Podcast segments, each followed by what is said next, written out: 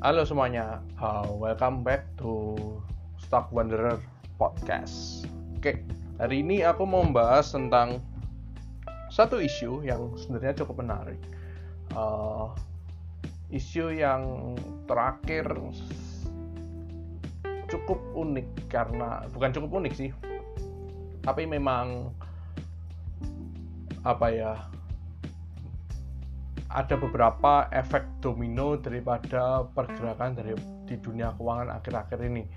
Ya, hari-hari ini dunia keuangan sedang uh, booming tentang cryptocurrency.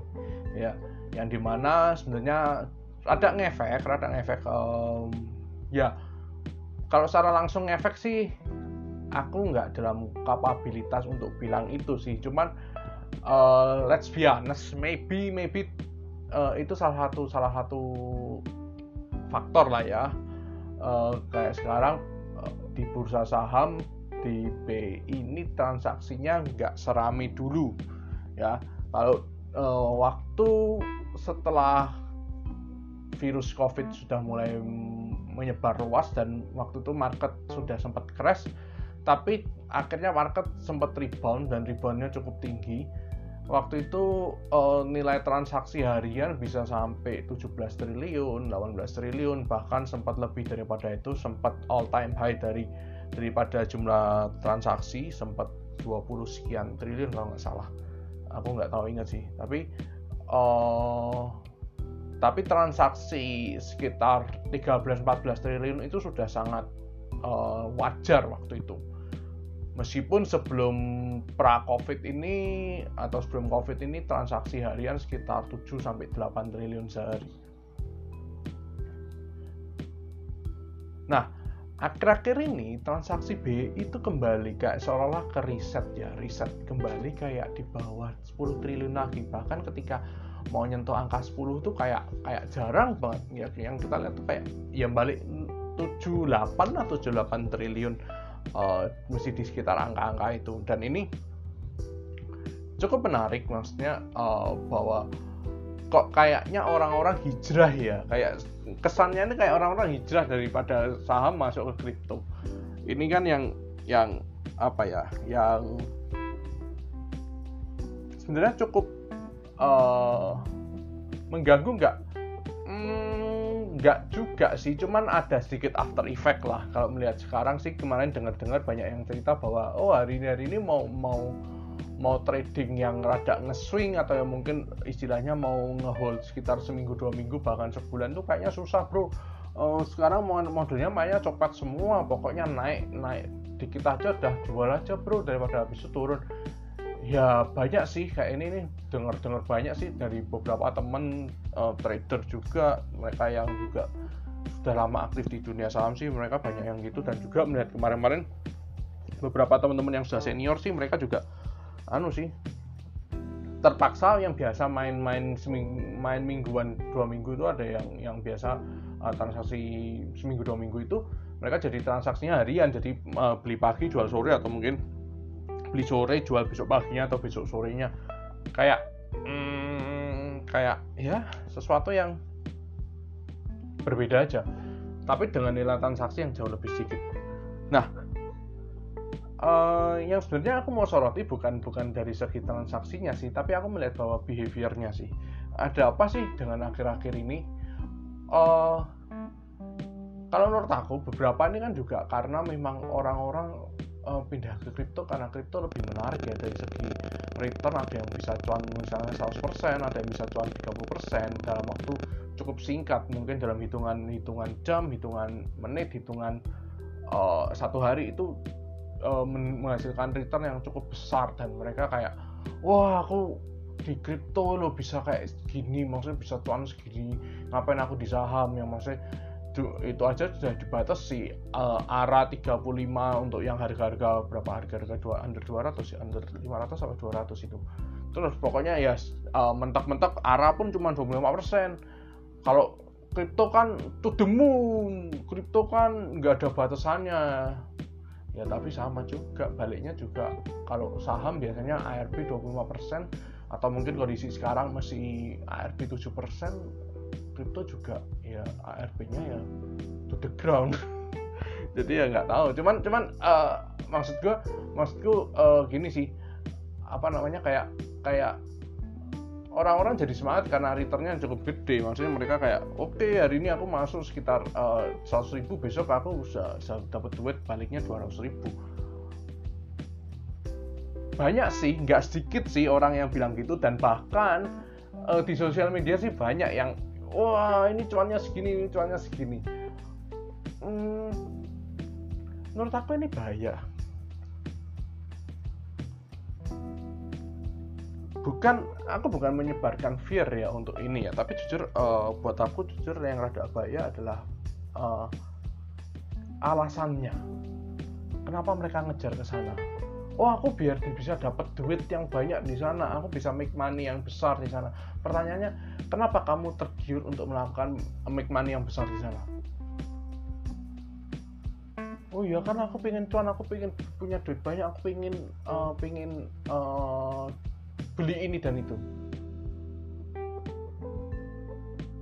Mostly jawabannya akan kembali pada aku pingin punya duit banyak supaya aku bisa ini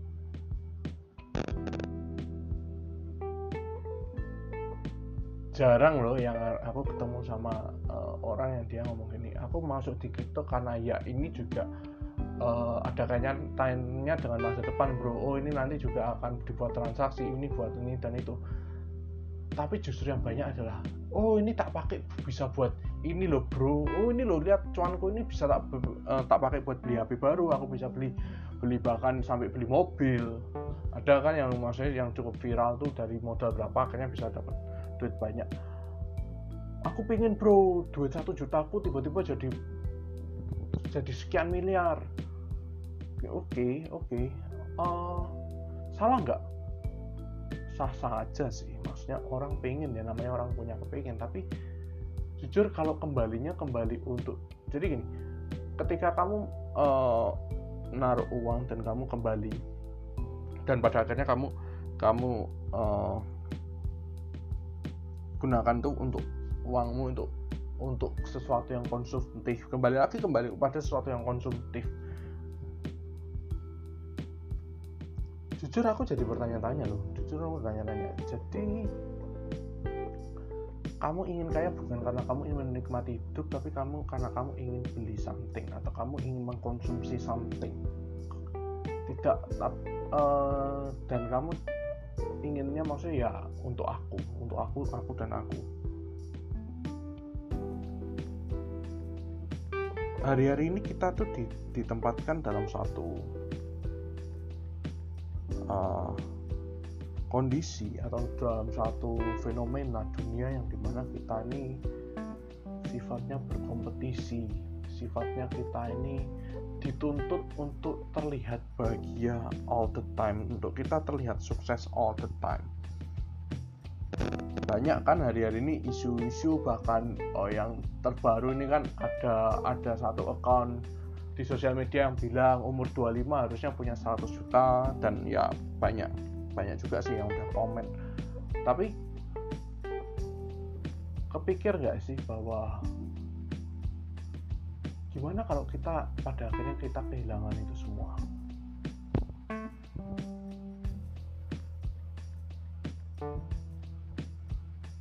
Pernah mikir nggak sih maksudnya uh, karena kesalahan kita karena kesalahan dalam kita melakukan sebuah action akhirnya kita Windows everything. Eh, itu pernah kepikir nggak sih? Maksudnya kenapa nggak banyak yang cerita tentang resikonya? Kenapa nggak banyak yang cerita tentang bagaimana untuk memanagenya? Tapi kenapa banyak yang cerita yang oh aku dapat keuntungan sekian loh. Oh aku ini loh. Aku bisa ini. Aku dalam sekian menit aku dapat segini loh. Jujur semenjak aku di dunia keuangan di dunia saham ketika orang menawari aku sesuatu yang sifatnya baik-baiknya saja justru aku semakin takut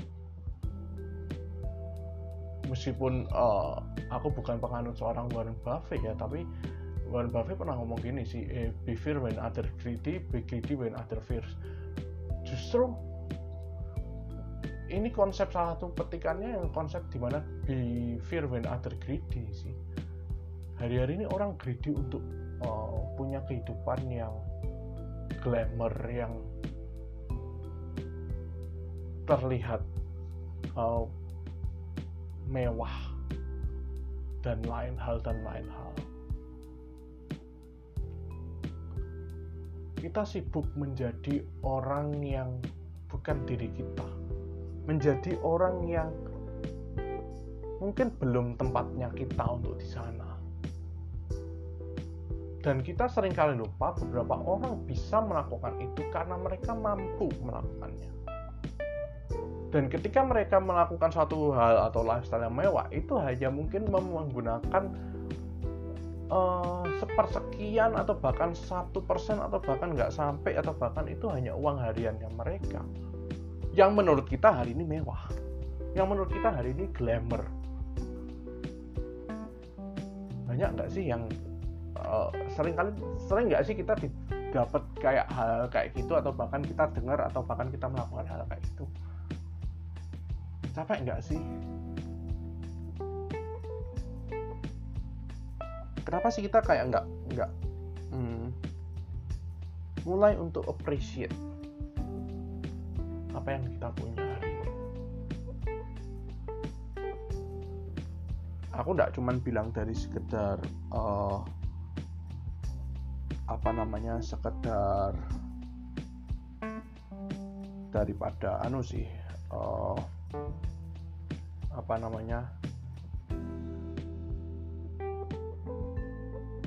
dari sekedar orang-orangnya tapi kita lihat daripada apa yang kita jalani day by day. Pernah enggak kita appreciate itu?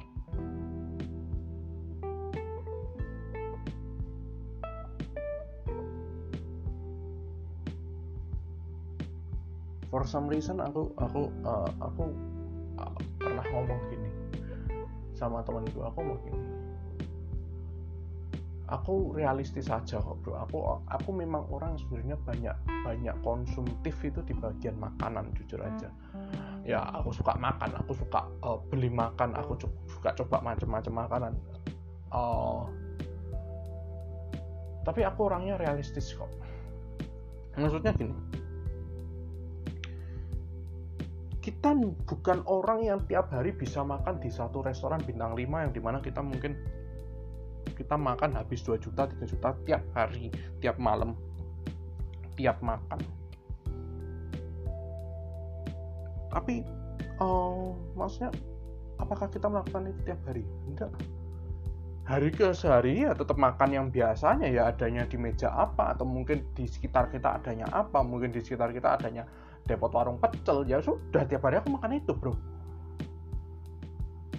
memang dalam satu dua occasion ya it's okay untuk uh, kita uh, mungkin dinner kita juga mungkin have fun kita mungkin juga uh, makan di tempat yang mewah itu mungkin waktu kita ulang tahun kita makan habis budget mungkin satu juta satu setengah juta. Ya oke okay, itu once a year maksudnya satu tahun sekali. Tapi bukan dilakukan untuk tiap hari karena tidak semua orang berada di posisi seperti itu. Di posisi di mana makan satu setengah juta sekali makan itu sesuatu yang biasa dan ringan. Contoh kalau kita penghasilan kita anggap aja per hari kita dapat duit eh, 2 juta aja. Masa iya kita bisa makan uh, satu setengah juta sekali makan? Enggak kan? Kita bisa paling mentok makan kan 500 ribu. Tapi kan enggak enggak semua orang punya penghasilan 2 juta tiap hari. Tapi mungkin aja kalau misalkan dikalkulasikan mungkin kita cuma dapat penghasilan berapa? Uh, sehari 500 ribu 200 ribu 100 ribu. Ada kan? Ada ada yang ada yang kurang ada yang lebih. Ada yang uh, ada yang jauh di atas itu ada yang di bawah itu. Tapi kita lihat kalau misalnya kita punya gaji setara kita kerja tiap harinya aja anggap kita masuk tiap hari aja atau kita pendapatan kita dari bisnis aja bersihnya aja kita anggap aja kita dapat 100 ribu per hari bersih. Berarti kan budget makan kita sekitar 30 ribu tiap hari. Ya enggak maksudnya tiga kali makan uh, bagi tiga kan itu belum dipakai untuk pengeluarannya tapi let's say satu seratus ribu itu untuk makan aja. Bagi tiga tiga puluh ribu per hari. Eh per sekali makan.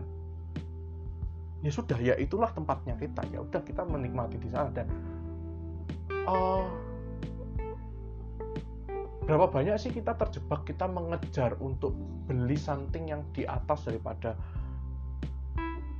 uh, rata-rata penghasilan kita per hari berapa banyak sih kita terjebak dengan itu?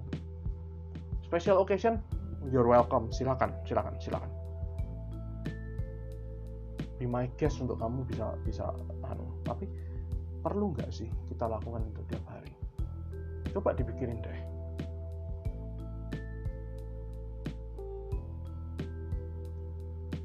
Kalau misalnya kita bisa appreciate something dari hal yang kecil contoh kayak tadi makan itu. Kita ya udah kita punyanya 100 ribu per hari ya sudah kalau kita misalkan bisa makan 20 ribu sehari dan eh 20 ribu sekali makan dan kita bisa kenyang dan kita bisa happy.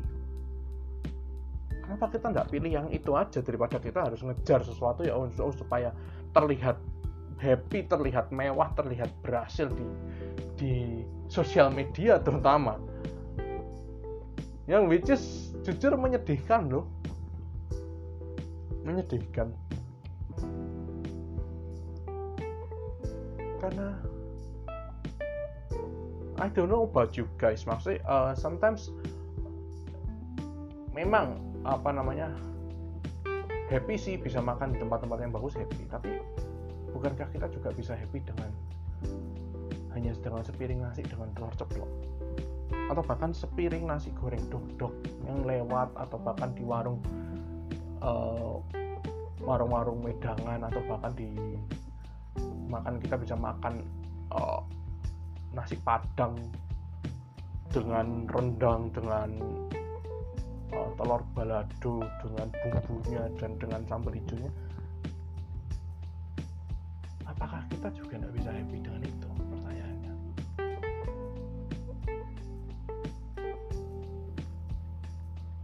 goalnya itu adalah menjadi orang berhasil orang yang syukur-syukur menjadi orang yang kaya. Bukan menjadi orang yang glamor. Kalau kita bisa menjadi orang berhasil dan kita mungkin bisa kaya tapi mungkin kita tidak harus glamor ya nggak masalah karena orang-orang yang hidup di situ yang mereka memang bisa tiap hari seperti itu karena mereka perputaran uangnya dan perputaran bisnisnya atau perputaran pekerjaannya itu jauh lebih gede berkali-kali lipat, beratus kali lipat, bahkan ribuan kali lipat daripada konsumsinya mereka dan itu hal yang wajar. Jadi ya kenapa kita ikutin? Gak ada bedanya kalau kita misalkan gini, kita punya mobil-mobil kecil ya. Uh, kita punya mobil katakan let's say uh, mobil city car ya mobil-mobil uh, kecil-kecil itu LCGC yang kecil-kecil itu tapi kita ajak mereka pergi off-road. Ya ada sih modifikasi yang mobilnya bisa lewat off-road ya tapi let's say itu semua ori lah kamu ajak ke medan-medan berbatu dan berlumpur. Sep aku yakin sih bakal rusak sih. Karena tidak pada tempatnya tidak di medannya ya bisa menaklukkan itu ya pak. Ya mobil-mobil yang sesuai entah mobil itu bentuknya uh, bentuknya memang SUV atau memang bentuknya untuk off-roader itu memang beda cerita beda fungsi dan mm,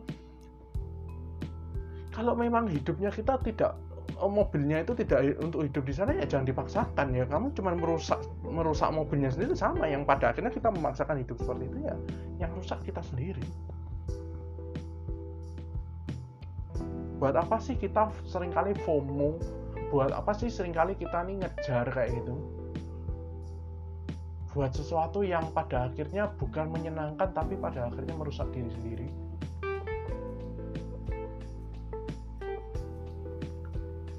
You only live once yes. But still I got still tomorrow. Aku masih ada hari esok. Jadi ya aku hidup sekali sih. Tapi aku masih punya hari esok. Jadi ya uh, aku harus bagi itu dengan hari esok jadi aku nggak nggak berpikir bahwa aku harus going all out uh, dalam satu malam. Pada akhirnya akan menjadikan kita semakin rugi.